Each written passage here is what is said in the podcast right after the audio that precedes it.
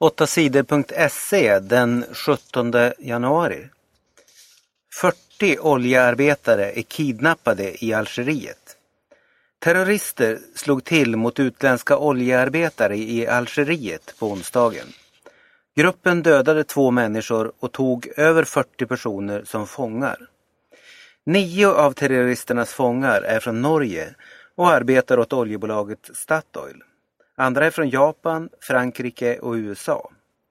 Flera fångar har tvingats ha bomber fastsatta på kroppen. Terroristerna hotar att döda fångarna om Algeriets militärer skulle anfalla. Kidnappningen är en hämnd för att Frankrike och andra länder i Europa stöder Malis regering i kriget mot islamisterna. Terroristerna kommer från landet Mali. De har sagt att de ska ta med sina fångar till Mali. De tänker släppa sina fångar om Malis regering släpper fängslade terrorister. Algeriets regering säger att den inte tänker låta terroristerna lämna landet. Algeriets militärer har omringat området där terroristerna och deras fångar är. Zetterberg blir lagkapten i Detroit. Ishockeyspelaren Henrik Zetterberg blir ny lagkapten i NHL-laget Detroit Red Wings. Han tar över jobbet efter Niklas Lidström som slutar spela hockey. Det känns fantastiskt kul. Att bli utsedd till lagkapten är en stor sak i min hockeykarriär, säger Henrik Zetterberg.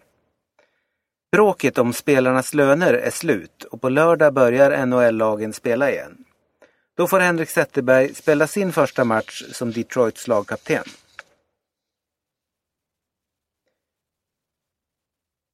Fler blir förgiftade av värktabletter. Det har blivit vanligare att människor äter för mycket värktabletter. Det kan vara livsfarligt. Den som äter för mycket av till exempel Alvedon eller Panodil kan bli förgiftad. Det händer att människor tar livet av sig genom att äta för mycket värktabletter. Det är ämnet paracetamol som är farligt om vi äter för mycket. Vårdpersonal på Giftinformationscentralen hjälper människor som blivit förgiftade. Centralen tycker att det blivit för lätt för människor att köpa värktabletter. Tabletterna går att köpa i vanliga affärer. Giftinformationscentralen vill att det ska krävas recept på vissa värktabletter och att de ska få varningstexter. Kvinnor sexmobbas i bilskolorna. Många kvinnor som lär sig köra bil blir sexmobbade. Det visar en undersökning som tidningen Svenska Dagbladet har gjort. 15 procent av kvinnorna svarade att deras lärare hade sexmobbat dem. En lärare sa att hans elev skulle behandla växelspaken lika försiktigt som om det var hans penis. Sånt här måste stoppas på en gång, säger Mikael Axelsson på Sveriges Trafikskolors riksförbund.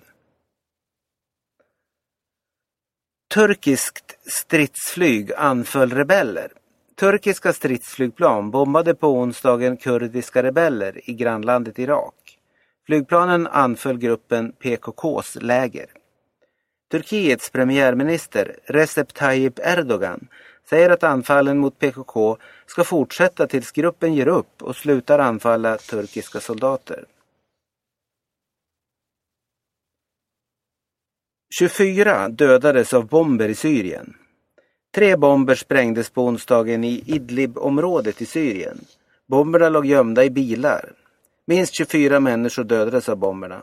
De flesta av dem som dödades var soldater i den syriska regeringens armé. Det skriver den syriska människorättsgruppen SOHR.